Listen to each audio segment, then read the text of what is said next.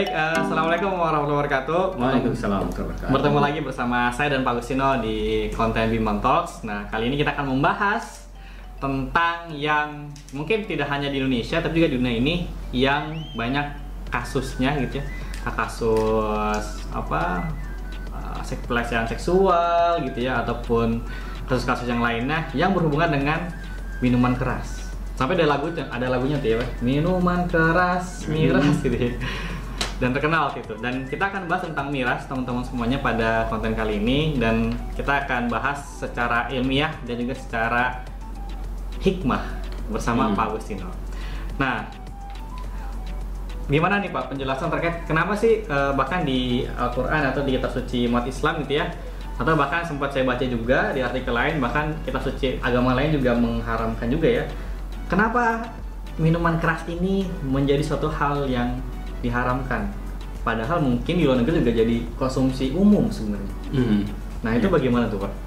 Ya, pertama dari tinjauan syariat dulu ya. Oke, baik. Ya, di dalam tinjauan syariat kan jelas ya eh, pengharaman khomer ini pada surat Al-Maidah ayat 92 kan. Bahwa sungguhnya khomer, judi dan Hmm. mengundi anak panah itu rijisun, najis dan Hmm. merupakan perbuatan setan maka jauhilah. Oke. Itu jelas.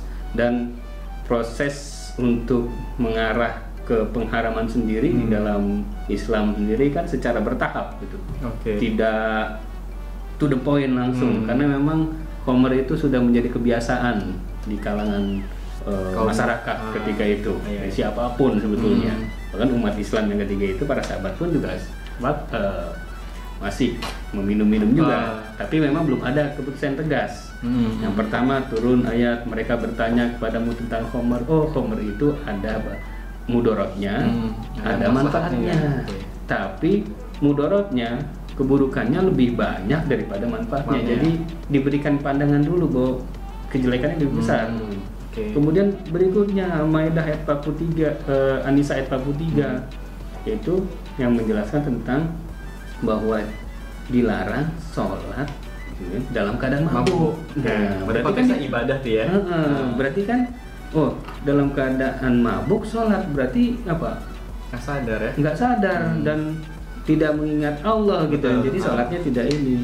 Nah Umar bin Khattab ini cerdas sekali sehingga dia bertanya. ya, apa sih hmm, sebenarnya hukum komer ini Ah. Nah, turun ayat itu tuh bahwa sungguhnya innamal khamru wal maisuru wal azlam rijsum min amali syaiton fajtanibu maka jauhilah dengar ayat itu para sahabat kan langsung Hmm. membuang komer-komernya di eh, rumah-rumahnya di solokan-solokan Hmm. sehingga banjir rumah Madinah kan Oh, Ya, oke. jadi eh, pengharamannya itu secara bertahap mengapa diharamkan gitu Hmm. kan karena tadi kan dengan minum-minuman homer itu ya tentu akan memberikan efek eh, apa namanya kita eh, apa istilahnya itu ya psikotropika lah gitu kan Psikotropika. ya akhirnya dia akan banyak ketuknya apa di otak kita itu akan merasa Ngefly ya, ngefly gitu Ngefly. ngefly dan jadi lupa segala Hmm. sesuatu kan padahal di dalam ibadah itu kan harus eh, khusyuk kita Hmm. kan mengingat Allah dan sebagainya sehingga kita lupa tuh segala sesuatu sehingga dengan Homer dengan minum Homer tuh bisa jadi. Kita nggak sadar melakukan perbuatan-perbuatan yang lebih Buruk, ya, buruk lagi Oh. gitu kan. Oh gitu. Salah satunya itu eh, ya mungkin hikmah Ah. kenapa Homer itu di Larang Pak ya. dilarang gitu Misalnya saya pernah baca juga di artikel internet di Amerika bahkan eh, apa ya banyak pelecehan-pelecehan seksual bahkan pembunuhan. Iya. Itu ternyata mayoritas pelakunya mabuk dulu. Hmm. Ternyata pas dicek di apa kejaksaan atau di Hmm. polisi oh ternyata mereka dalam keadaan mabuk rata-rata iya jadi memang Homer ini tidak hanya untuk apa ya tidak merugikan apa ya tidak hanya merugikan pribadi iya tapi juga merugikan orang lain ya pak ya Hmm. Wah. Ya, kita kan juga pernah dengar cerita kan seorang hamba yang soleh Hmm. di zaman ya Bani Israel itu seorang hamba yang soleh susah sekali untuk di apa digoda oleh setan gitu Hmm. kan. Kemudian ya setan menjelma menjadi seorang yang memberikan nasihat.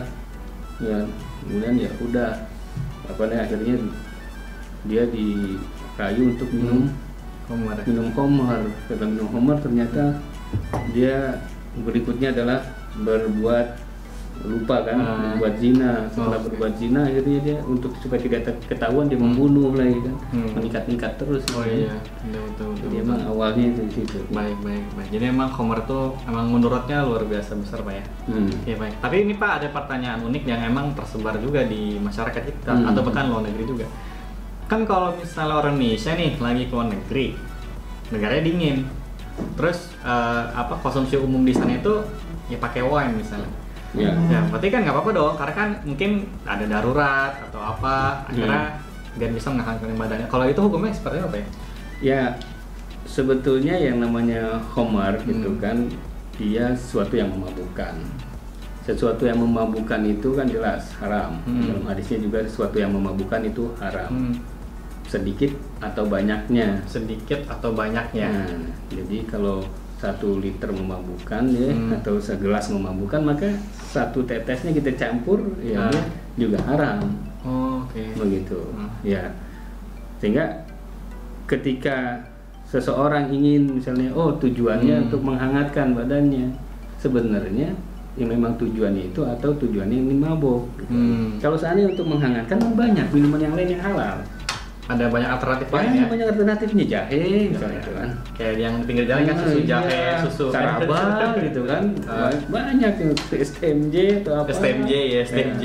itu ya atau, atau kalau yang di luar negeri kan sudah jelas ada Hmm. pemanas ruangan itu kan yang bisa Oh, dinyalakan oke. gitu kan kenapa harus me- mem- Minum. meminum sesuatu yang diharamkan jadi ya dicari alternatif yang Hmm. lebih eh, pas lah yang halal gitu Oh, Oke, baik. Nah, kalau kita sedikit dalamin lagi, Pak, terkait tadi apa konsumsi homer ya.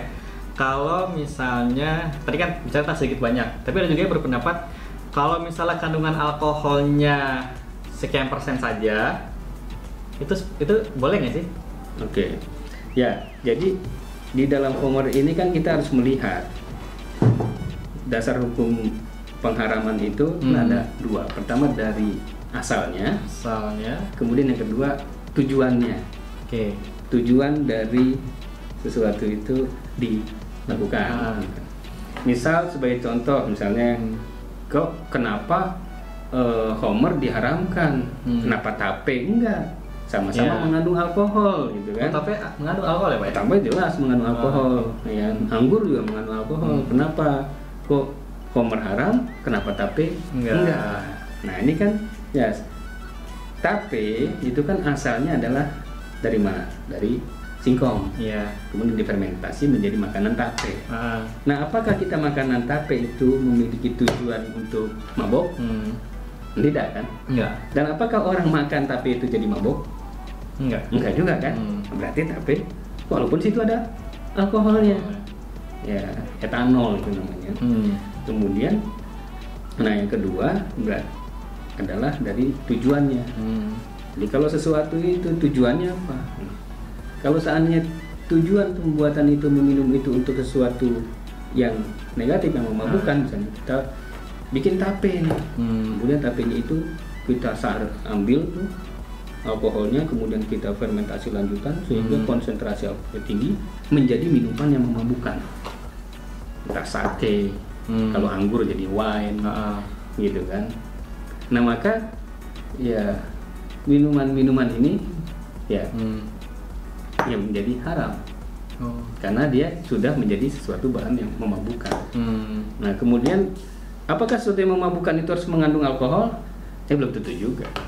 Sesuatu yang memabukkan bisa aja kan Hmm. eh, zat psikotropika itu bisa narkotika, Hmm. amfetamin, ekstasi, marijuana dan sebagainya itu kan juga sesuatu yang memabukkan. Hmm. Apakah itu haram? Ya sama dengan khamr.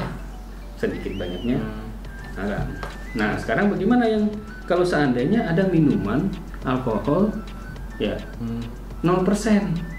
Oh iya tuh. Misalnya Dijual bebas tuh ya. jual bebas, bir bintang 0%. Ah. Nah, merek. Sebut merek ya. Oke lah. Eh, Green Sand Green Sand. Nah, itu. 0% dan sebagainya. Hmm. Nah, apakah ini eh, haram Nah. atau tidak? ah. kalau seandainya minuman tersebut memabukkan, Hmm. ya, wah, ya, maka ya haram tetap. Walaupun dia dia mengandung alkoholnya 0%, bisa jadi ada zat lain yang memabukkan. Oke. ya kan? Nah sementara eh, tape walaupun mengandung sekitar 7 sampai 10 persen ada alkoholnya. Hmm. Tape tapi karena dia bukan makanan yang memabukkan, Nah. ya tetap halal karena dasar awalnya dan Hmm. asalnya adalah barang yang halal, Halal. gitu kan. Lain halnya tadi kan. Kalau seandainya kita berpatokan kepada alkohol saja, Hmm. yang mengandung alkohol haram.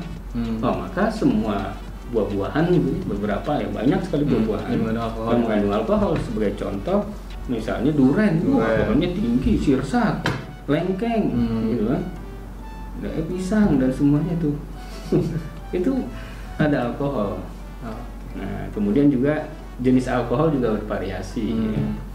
Ada berbagai macam juga jenisnya. Hmm. Gitu. Baik, baik. Ternyata seperti itu ya. Ternyata yang berarti konteks apa ya pelarangan tadi sebenarnya apa ya? Berarti tidak hanya dalam konteks minuman keras ya, tapi Iya. ada mungkin kalau di era zaman sekarang udah makin beragam zat-zat Hmm. kimia ah, iya yang terkait memabukkan. Jadi Hmm. tuh bisa dihukumin sedikit banyak bisa haram ya. Iya, bahkan sekarang ini juga Hmm. eh, berkembang kan di masyarakat ada minuman oplosan ya. Oh, ya, bir oplosan bir ya. oplosan itu kan di- dicampur, eh, dicampur dengan alkohol jenis lain hmm. yang kadar memabukkannya lebih tinggi, itu namanya metanol. Oh. Nah ini juga spiritus gitu. Hmm. Kenapa? Karena memang zat ini ketika diminum itu lebih cepat bereaksi. Jadi sampai kepada saraf di otak kita Hmm. untuk menenangkan itu cepat sekali. Oke. Tapi ya, lebih berbahaya karena eh, kalau kita banyak kan kejadiannya itu sampai mengalami kebutaan kalau 10% dari konsentrasi 30% bisa kematian yang terjadi Hmm. selama ini kan Hmm. sudah eh, jadi lingkungan kita saja ini di Depok Hmm. juga pernah ada yang mati karena Ah. itu Ini di, di berita sih emang bir oplosan terkenal pak ya maksudnya dipakai Hmm. apalah anak-anak Iya. ABG Iya. gaya-gayaan gitu. Iya. Ah. tuh, tuh. Saya pernah beli tuh pak waktu zaman saya kecil ya.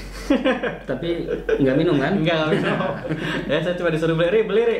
Apaan sih? Bilang aja beli ini. Oh ya udah beli ke tukang jamu gitu, tapi diumpetin sama dia ternyata barangnya. Hmm. Ketika ada orang beli baru dia ngeluarin. Oh gitu. Pas saya cium, uh, baunya nggak enak banget. Hmm. Teman saya pulang baru minum dua gelas pak. Saya cuma gini doang, pada jatuh. Itu masa-masa waktu saya Hmm. SD lah gitu masa SD. Baik, baik, baik. Berarti emang konteks haramnya jadi bisa lebih komprehensif ya pembahasannya Hmm. terkait tadi bicara tentang syariatnya. Nah kalau terkait masalah keilmiahan ini pak, berarti kan Hmm. konten-konten kan memabukkan. Hmm. Tapi mungkin sempat sedikit dibahas sama Pak Agus. Sebenarnya ketika alkohol itu tadi masuk ke dalam tubuh kita, itu sebenarnya efeknya tadi kalau tadi kan sampai saraf Iya. angka segala macam. Iya. Tapi sebenarnya ketika dia masuk ke tubuh kita dalam konteks apa ya tubuh kita seperti gimana tuh Pak? Ya, dia kan nanti di dalam tubuh kita kan akan dicerna kan. Hmm. Dicerna bahkan bisa menyebabkan peningkatan asam lambung gitu. Oh. Jadi orang yang terkena asam lambung makin banyak minum alkohol ya semakin berat juga ini. Oh, gitu. Sama ya kemudian juga mungkin pertanyaan berikutnya kok bolehkah gitu kan alkohol ini dipakai untuk ya parfum Oh iya.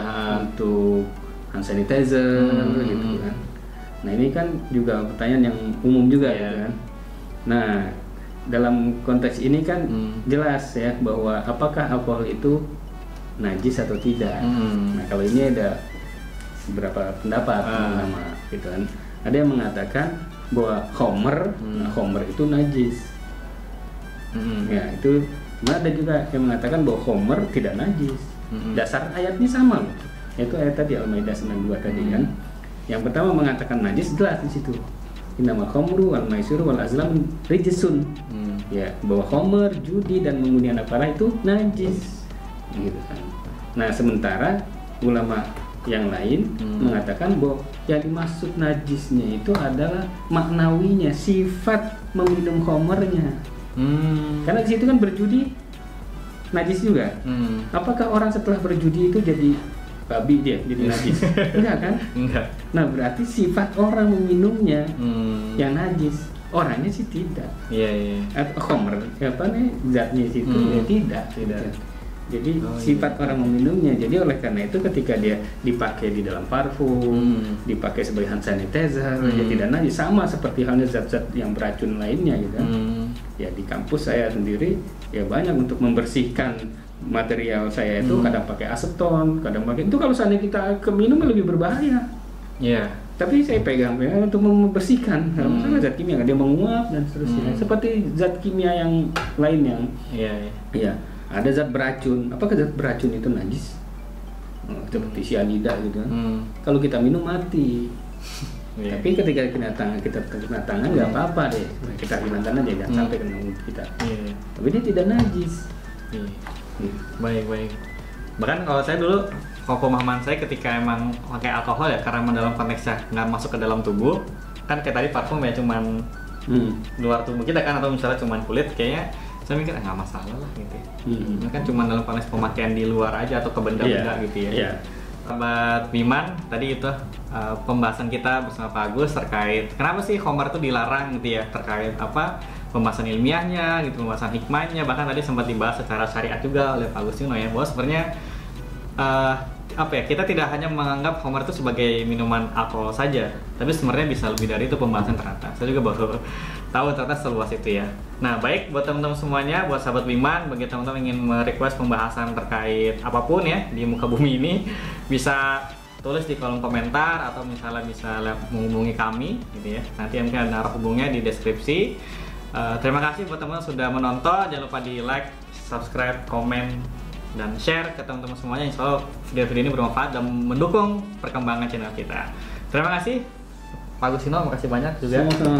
Assalamualaikum warahmatullahi wabarakatuh. Waalaikumsalam.